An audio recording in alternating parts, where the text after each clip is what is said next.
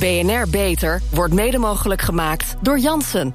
Waar we werken aan een toekomst waarin ziektes tot het verleden behoren. BNR Nieuwsradio. Beter. Harmke Pijpers. Terwijl iedereen keek naar de intensive care capaciteit in ziekenhuizen, sloeg het coronavirus hard toe in verpleeghuizen. Inmiddels zijn de verpleeghuizen waar vooral kwetsbare ouderen wonen volop in beeld. Welke lessen worden hieruit getrokken en hoe is de situatie daar nu? Welkom bij BNR Beter, het programma voor mensen die werken aan gezondheid. Mijn gast is Mireille de Wee, bestuurder van zorginstelling de Riethorst Stromenland, met zo'n 600 patiënten op 12 locaties rondom Breda. En sinds de bestuurlijke fusie in maart van dit jaar ook bestuurder van de regionale zorgorganisaties Volkaart en Schakelring. En daarnaast is ze voorzitter van de kerngroep Wonen en Zorg van Actis. Zij heeft veel te doen. Ja, Mireille, we weten inmiddels allemaal hoe schrijnend de situatie in de verpleegtehuizen was en nog steeds is. Bij de aanpak van het virus draaide het allemaal om de IC-capaciteit en de ziekenhuizen. En was er nauwelijks aandacht voor wat er in de verzorgingstehuizen gebeurde. Laat staan dat we er enig zicht op hadden. Hoe heb je de eerste weken ervaren? Had je ook het idee dat de verpleeghuizen uh, buiten beeld waren? Wij hebben eigenlijk al vanaf het moment dat, uh, dat er duidelijk werd uh, dat de corona in Nederland was, hè, zijn wij als organisatie meteen zelf ook begonnen met een crisisteam. We hebben uh, uh, ook de krachten meteen gebundeld. Dus alle Brabantse zorgorganisaties die, bij, die zijn verenigd. Hebben we eigenlijk al gedaan voordat de eerste coronabesmetting bij ons binnen was. En mhm. dat, dat, heeft ons wel gesterkt. Hè? Want wij hebben ons in die zin niet alleen gevoeld. We hebben met de Brabantse partijen daar um, ja, hebben we ons samen sterk in gemaakt. En wij waren ook goed voorbereid met het crisis. Dat wou ik zeggen, want uh, Riethuis, ja. uh, Riethorst Stromenland uh, heeft, had in tegenstelling tot heel veel andere verpleeghuizen al een uh, infectiepreventiebeleid. Hè, dat, dat heel effectief blijkt tijdens deze pandemie. Daar wil ik het ook zo uitgebreid over hebben. Ja. Maar eerst, wie was er verantwoordelijk voor het beleid in de verpleeghuizen toen de coronacrisis uitbrak? Wat, wat kon je intern beslissen en wat werd er van buitenaf opgelegd? Nou, we hebben allemaal natuurlijk, dat heeft iedere organisatie, die heeft een hygiëne- en infectiepreventiebeleid.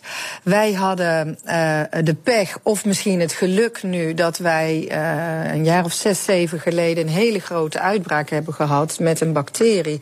Die uh, heel veel zieke mensen heeft. ja, daar waren heel veel mensen ziek van geworden. En dat heeft enorme impact gehad. Dus dat heeft ervoor gezorgd dat we eigenlijk vanaf zes jaar geleden heel hard gewerkt hebben aan het infectiepreventiebeleid preventiebeleid. Um, dat doen we samen met Amphia ziekenhuis. Um, die mm -hmm. mensen zijn ook uh, betrokken bij al onze locaties. Dat beleid is heel erg aangescherpt. Um, het zit doordat we daar al jaren zo hard aan gewerkt hebben, ook wel echt in de genen van onze medewerkers. We hebben op alle locaties hebben we medewerkers, uh, aandachtsvelden, hygiëne en infectiepreventie. En die, ja. Uh, ja, dat zijn echte pitbulls. Die, die, die zitten er bovenop. En die ja. um, hebben er echt voor gezorgd dat het heel goed nageleefd wordt. En ja. Uh, ja, zeg, ik denk dat dat ons geholpen heeft. Ja, waaruit bestond de communicatie met de overheid, het Outbreak Management Team? Kon je, dit, uh, kon je dat communicatie noemen of was het vooral inrichtingverkeer? Nou, wij hebben um, heel snel um, opgericht. Na, naast het ROAS hebben we het RONAS opgericht. Regionaal overleg niet acute zorg. En ja. we hebben vanuit daar input kunnen leveren aan bijvoorbeeld het RIVM of ook het uh, OMT. Um, en wij hebben eigenlijk vanaf het begin af aan gewoon de richtlijnen van het RIVM uh, kunnen volgen. En dat sloot heel goed aan bij ons, bij ons eigen hygiëne- en infectiepreventiebeleid. Het heeft uh, natuurlijk wel even geduurd voordat de ernst landelijk was doorgedrongen. Want ja. wij zijn wel de eerste week in Brabant wel pioniers geweest. Ja. En pas dat vanaf het moment. Ik, ik meteen, uh, ook gezien de tijd, naar iets, iets anders. Tijdens de eerste weken bleken er in de zorginstellingen al veel mensen te zijn overleden die niet waren meegenomen in de officiële cijfers van het RIVM. Die waren gebaseerd op de helft van de verpleeghuisbewoners. En volgens het RIVM werden de verschillen ook veroorzaakt doordat er met verschillende patiëntendossiers werd gewerkt en verpleeghuizen bovendien op vrijwillige basis data registreren waardoor er dus geen uh, compleet overzicht is. Ja, zou die registratie wat jou betreft verplicht moeten worden? En zou er dan gezien de urgentie van de zaak ook maar meteen voor één systeem gekozen moeten worden? Ik denk dat het heel belangrijk is om een goede registratie te hebben. Maar wat er in het begin uh, speelde, was dat, uh, dat er natuurlijk beperkte testcapaciteit was. Dus je, je ging niet alle uh, cliënten die, er, die ziek waren, ging je testen. Wat er in de praktijk gebeurde, was als jij een groep had met mensen met, met dementie bijvoorbeeld, of, mm. of een somatische achtergrond, als, die, als daar iemand ziek werd, dan in het begin was de, was de opdracht dat je gevoeglijk kon aannemen als er twee mensen positief getest waren, dat, en de rest had ook klachten, dat, die, dat je die ook ging behandelen alsof die mensen ook corona hadden. Dus het was in het begin ook moeilijk om uh, feitelijk mensen met corona te kunnen tellen. En wij ja. hebben vanaf het begin af aan wel gezegd van nou deze cliënten die zijn ook feitelijk getest en hebben corona en deze daar, die, daarvan denken wij dat die corona hebben. En later zijn natuurlijk, is er steeds meer verruiming gekomen op het testen. Ja. En heb je steeds meer uh, ja, betrouwbare resultaten kunnen krijgen. Die registratie is, is natuurlijk heel belangrijk, maar voorkomen van infectie is natuurlijk uh, het allerbeste. Maar bij het verdelen van beschermingsmiddelen stonden de verpleeghuizen helemaal achteraan. En volgens Jacques de Gouw, de baas van de GGD, de organisatie die verantwoordelijk is voor uh, infectieziektebestrijding, kwam dat omdat hem bij het vaststellen van de verdeelsleutels voor beschermingsmiddelen, dat is nu bijna twee maanden geleden, niets bekend was over besmettingen in verpleeghuizen. Ja, dus geen bericht, goed bericht. Dus geen schorten, handschoenen en brillen naar de verpleeghuizen. Ik snap die conclusie niet. Jij wel? Ja. Nee, die snap ik ook niet. Het is, ik kan me eerlijk gezegd ook niet voorstellen uh, dat mensen daarvan daar onbekend mee waren. Want het was heel duidelijk dat uh, al heel snel natuurlijk in de verpleeghuizen schrijnende situaties aan de hand waren. Um, het is wel zo dat um, als jij de richtlijnen van het RIVM volgt, dan mm. heb ik steeds, eh, als ik naar mijn eigen organisatie kijk, heb ik steeds voldoende beschermende middelen gehad. Ah. Alleen als jij het gevoel hebt dat jij eigenlijk het liefst al je medewerkers wil beschermen. Of als je denkt dat dat uh, uh, het meest slimme is om te doen. Dan heb jij het gevoel van dat die richtlijn zo gemaakt is. Uh, omdat het niet anders kan in verband met de schaarste. En dan ja, ja. Denk, heb je het gevoel dat je niet, niet genoeg beschermingsmiddelen hebt. Ja. Volgens hoogleraar ouderengeneeskunde uh, Kees Hertog hè, werkte veel zorgpersoneel onbeschermd. Omdat men ervan uitging dat er alleen besmettingsgevaar was bij duidelijke ziektesymptomen. Maar hij zegt, we hebben ja. nu aanwijzingen dat dat anders ligt. Nou, bij jullie, uh, je had geen gebrek aan, uh, aan beschermingsmiddelen. Maar heel veel mensen in de zorg, en dat zal je dan niet onbekend zijn, hebben toch het gevoel gehad dat ze niet genoeg beschermd waren. En velen ja. hadden ook het idee nou, je... dat dat verplicht was. Nou, weet je wat het akelige is? Want uh, we hebben uh, geen tekort gehad, maar er was wel schaarste. En er was iedere dag was het spannend of je voor de volgende dag nog steeds genoeg had om uh, te voldoen aan de richtlijn van de RIVM. En ja. ja. dat maakt wel, daar lig je wel wakker van, ook als bestuurder. Hè? Want je wil natuurlijk niet dat jouw medewerkers onbeschermd rondlopen. Ja. Um, en ja, weet je, dat is wel ontzettend vervelend. En, um, en wij zijn ook heel blij dat op een gegeven moment die verdeelsleutel natuurlijk veranderd is. Al is het nog steeds heel erg schaars. Want het is nog steeds uh, nu niet meer moeilijk om aan mondkapjes te komen. Maar bijvoorbeeld nog wel moeilijk om aan schorten met lange mouwen te komen. Dus het blijft een enorme uitdaging om voldoende materiaal te hebben. Ja, maar hoe is het bij jullie georganiseerd? Hoe hebben jullie het aangepakt? Ja, wij hebben vanaf het begin af aan een crisisteam gehad. En daar zitten uh, allerlei mensen in, ook uh, managers van de locaties. Uh, mensen die veel verstand hebben van hygiëne en infectiepreventie. We hebben een, korte lijn met Amphia ziekenhuizen. Die konden we 7 keer 24 uur bellen, vragen. Die kwamen langs. dus al onze onzekerheden konden daarmee mee goed belegd worden. En ja, we hebben heel snel een coronabeleid ingericht. Wat ja, in het begin ook iedere dag veranderde. Omdat natuurlijk met het uh, ja, inzicht op het ziektebeeld werd het ook, uh, uh, ja, veranderde het steeds. En, we probeer, en je moet dan natuurlijk wel steeds 1500 medewerkers informeren over de veranderingen. Dus dat is echt wel een hele tour om iedereen daarin goed mee te nemen. Maar wij hebben wel steeds gezegd, en dat is inmiddels nu heel helder, hè, op het moment dat er een, een cliënt klachten heeft, wordt hij geïsoleerd en meteen getest. Heeft een medewerker klachten, uh, dan gaat hij naar huis. Is hij niet ziek, heeft hij wel klachten, wordt hij getest. Is die positief, ja, dan blijft hij natuurlijk ook thuis. En dat maakt dat, uh, ja, dat we het wel goed onder controle kunnen houden door heel ja. laagdrempelig te testen. En als het ondanks alle goede bedoelingen toch niet lukt om het virus buiten de deur te houden, is de preventie dan mislukt? En wat doe je dan? Harmke Pijpers. De grote zorginstelling Riethorst Stromeland voert al geruime tijd een infectiepreventiebeleid. Hoewel corona ook daar niet buiten de deur bleef, heeft dat beleid wel degelijk nut. Daarover praat ik met Mireille de Wee, bestuurder van deze zorginstelling.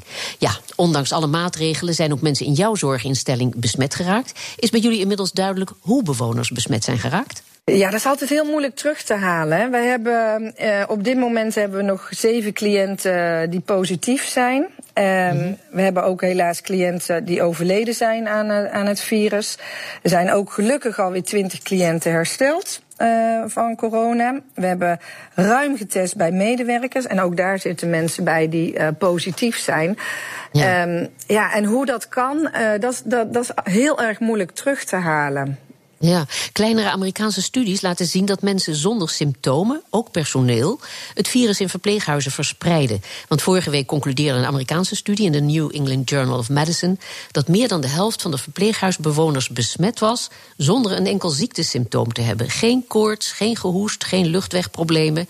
En ook in jouw zorginstelling zijn mensen besmet geraakt, vertelde je al. Je kunt dus absoluut niet uitsluiten dat mensen door uh, personeelsleden zijn besmet, toch? Ja, je, dat kan je zeker niet uitsluiten. Kijk, er is natuurlijk heel, heel veel nog onbekend uh, van het virus. We weten wel dat het zich door druppeltjes uh, verspreidt. Dus het kan niet zomaar uh, door de lucht verspreiden. Alleen die basishygiëne is wel super belangrijk. Want ondanks dat jij misschien nog geen echte klachten hebt, kan je best een keer hoesten. En als jij je handen niet goed wast, kan je het natuurlijk op die manier nog steeds verspreiden. Dus daarom hameren we ook zo op die basishygiëne. Ja. handen goed wassen, schorten aan en handschoenen aan bij de verzorging. En op die manier uh, probeer je dat zo goed mogelijk te doen. Ja, het Amsterdam uh, UMC doet nu samen met een paar GGD's onderzoek hè, naar de verspreiding van het coronavirus in verpleeghuizen. Is dat een beetje mosterd naar de maaltijd of kijk je daarnaar toch uh, nieuwsgierig uit? Nee, ik denk dat dat wel heel belangrijk is. Want dit gaat nog een hele tijd duren. Het duurt nog lang voordat er een vaccin is, uh, mogelijk. En um, je wil op een gegeven moment natuurlijk meer gaan verruimen. En waarom er natuurlijk een zorg was. Op een gegeven moment zijn die verpleeghuizen op slot gegaan. En we zagen mm. nog in sommige gevallen uh, dat er toch nog besmettingen ontstonden. En dat maakt ja. natuurlijk dat mensen ongerust zijn. Ja, wat, wat betekent dat dan? En moeten we dan nog meer gaan doen? Hele discussie over dat preventief gebruik van uh, mondmaskers en handschoenen. Ja, want wat hebben jullie in de afgelopen weken geleerd? Werkt de infectiepreventie voor 100% of heeft de ervaring van de afgelopen weken nieuwe inzichten en verbeterpunten opgeleverd? Ja.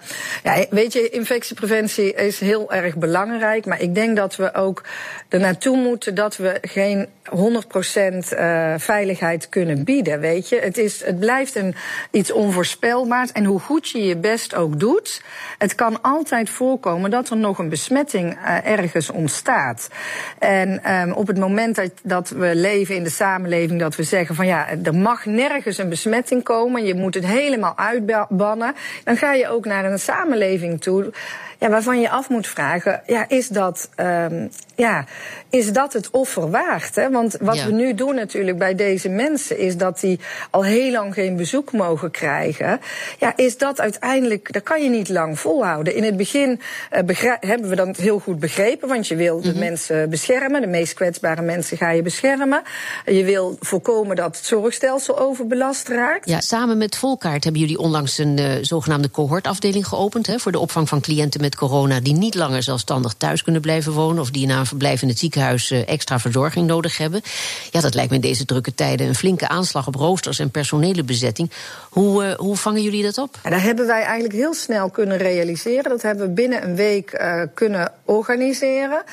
Um, het was ook een grote oproep, omdat toen de verwachting nog was dat er heel veel mensen uh, besmet zouden worden die uit de ziekenhuizen opgevangen moesten gaan worden. Dus we hebben dat eigenlijk met heel veel organisaties gedaan. Inmiddels is dat ook weer afgeschaald, omdat dat natuurlijk uh, inmiddels een stuk uh, teruggelopen is in, in de ziekenhuizen. Ja, je had het al even over dat uh, bezoekverbod. Hè. Dat heeft natuurlijk een enorme impact. Kort geleden, dat ja. heb je waarschijnlijk ook gezien, was de 82-jarige Wil van Buren in het nieuws. Hè. Die zat dagenlang ja. voor de deur van het verpleeghuis. Ja. waar haar 83-jarige man Nico werd verzorgd. 60 jaar getrouwd zijn ze, maar vanwege het coronavirus kan ze haar dementerende echtgenoot al zeven weken niet bezoeken. Ja, dat is inmiddels een herkenbare situatie. Um, hoe, hoe communiceren jullie met familieleden bijvoorbeeld erover? Hebben zij begrip voor de situatie? Nou, het is sowieso natuurlijk een vreselijke situatie. Hè? Want um, uh, ja, je wil gewoon. Het is totaal anders wat we normaal doen. Want normaal betrekken we de mantelzorgers en de familie er extreem bij. En, uh, ja, en nu mag dat totaal niet. Uh, nou, daar doen we natuurlijk wel heel veel aan. Want ze worden natuurlijk goed geïnformeerd. Ze kunnen in het, uh, in het klantendossier meelezen. Ja. er is heel veel ten aanzien van beeldbellen. We hebben ook allemaal die hokjes waar mensen toch elkaar kunnen zien met glas ertussen. Hm. Dus er zijn ongelooflijk veel initiatieven. Er is superveel creativiteit bij onze medewerkers om dat contact in stand te houden. Maar het blijft natuurlijk schrijnend. Onze medewerkers ja. hebben wel ook ook tijd natuurlijk. Die, er zijn ook veel dingen die niet doorgaan. Denkend aan trainingen, opleidingen, uh, grote besprekingen gaan allemaal niet door. Dus die hebben wel meer tijd om aandacht te geven aan, uh, ja. aan onze cliënten. Maar dat is toch heel anders als de liefde van een familielid uiteindelijk. Ja. De overheid ja, dus het dat is... het uh, bezoekrecht tot 20 mei niet zal worden versoepeld. Vind je dat terecht? Of moet er een uitzondering voor gemaakt nou, worden voor, voor jullie? Ja, weet je, wij zijn, nou niet voor alleen onze instelling. Mm -hmm. ik, uh, ik denk dat we wel naar verruiming toe moeten. Omdat er gewoon ook andere waarden heel belangrijk gaan worden als het zo lang gaat duren. Uh, maar dat moet wel heel voorzichtig gebeuren. Je moet wel heel goed kijken van ja, wat betekent dat? Want uh, je wil ook natuurlijk niet dat, dat, dat er in één keer weer heel veel mensen ziek gaan worden. Dus zoals het er nu naar uitziet, gaan we daar binnenkort iets over horen. Over hoe die verruiming mogelijk gemaakt kan worden op een zo veilig mogelijk manier. En daar ja. ben ik wel echt voorstander van. Ja. Door de vergrijzing groeien de wachtlijsten. Het is moeilijk om medewerkers ja. te vinden, waardoor de druk op de sector steeds groter wordt. Ja, de crisis benadrukt het belang van goede zorg en verzorgenden. Zien jullie dat uh, inmiddels terug in geld? Nou, op dit moment is het zo dat er heel um, nadrukkelijk wordt aangegeven dat de, de extra kosten die we nu maken rondom de coronacrisis of eventueel het verlies aan opbrengsten wat we hebben, dat dat gecompenseerd gaat worden dit jaar. Mm -hmm. Hoe dat precies eruit gaat zien, dat, dat weten we nog niet precies, maar er is wel heel veel aandacht voor. Daar krijgen we ook wel veel uh, steun voor om dat goed door te komen dit jaar. Ja, zeg, en, en uh, zien jullie het ook terug in animo? Bijvoorbeeld. Um zijn er meer mensen die in de zorg willen werken? Of juist niet? Uh, rondom het kwaliteitskader hebben we heel veel gelegenheid om extra mensen aan te nemen. Dat is ook mm -hmm. afgelopen jaar nog steeds heel goed gelukt.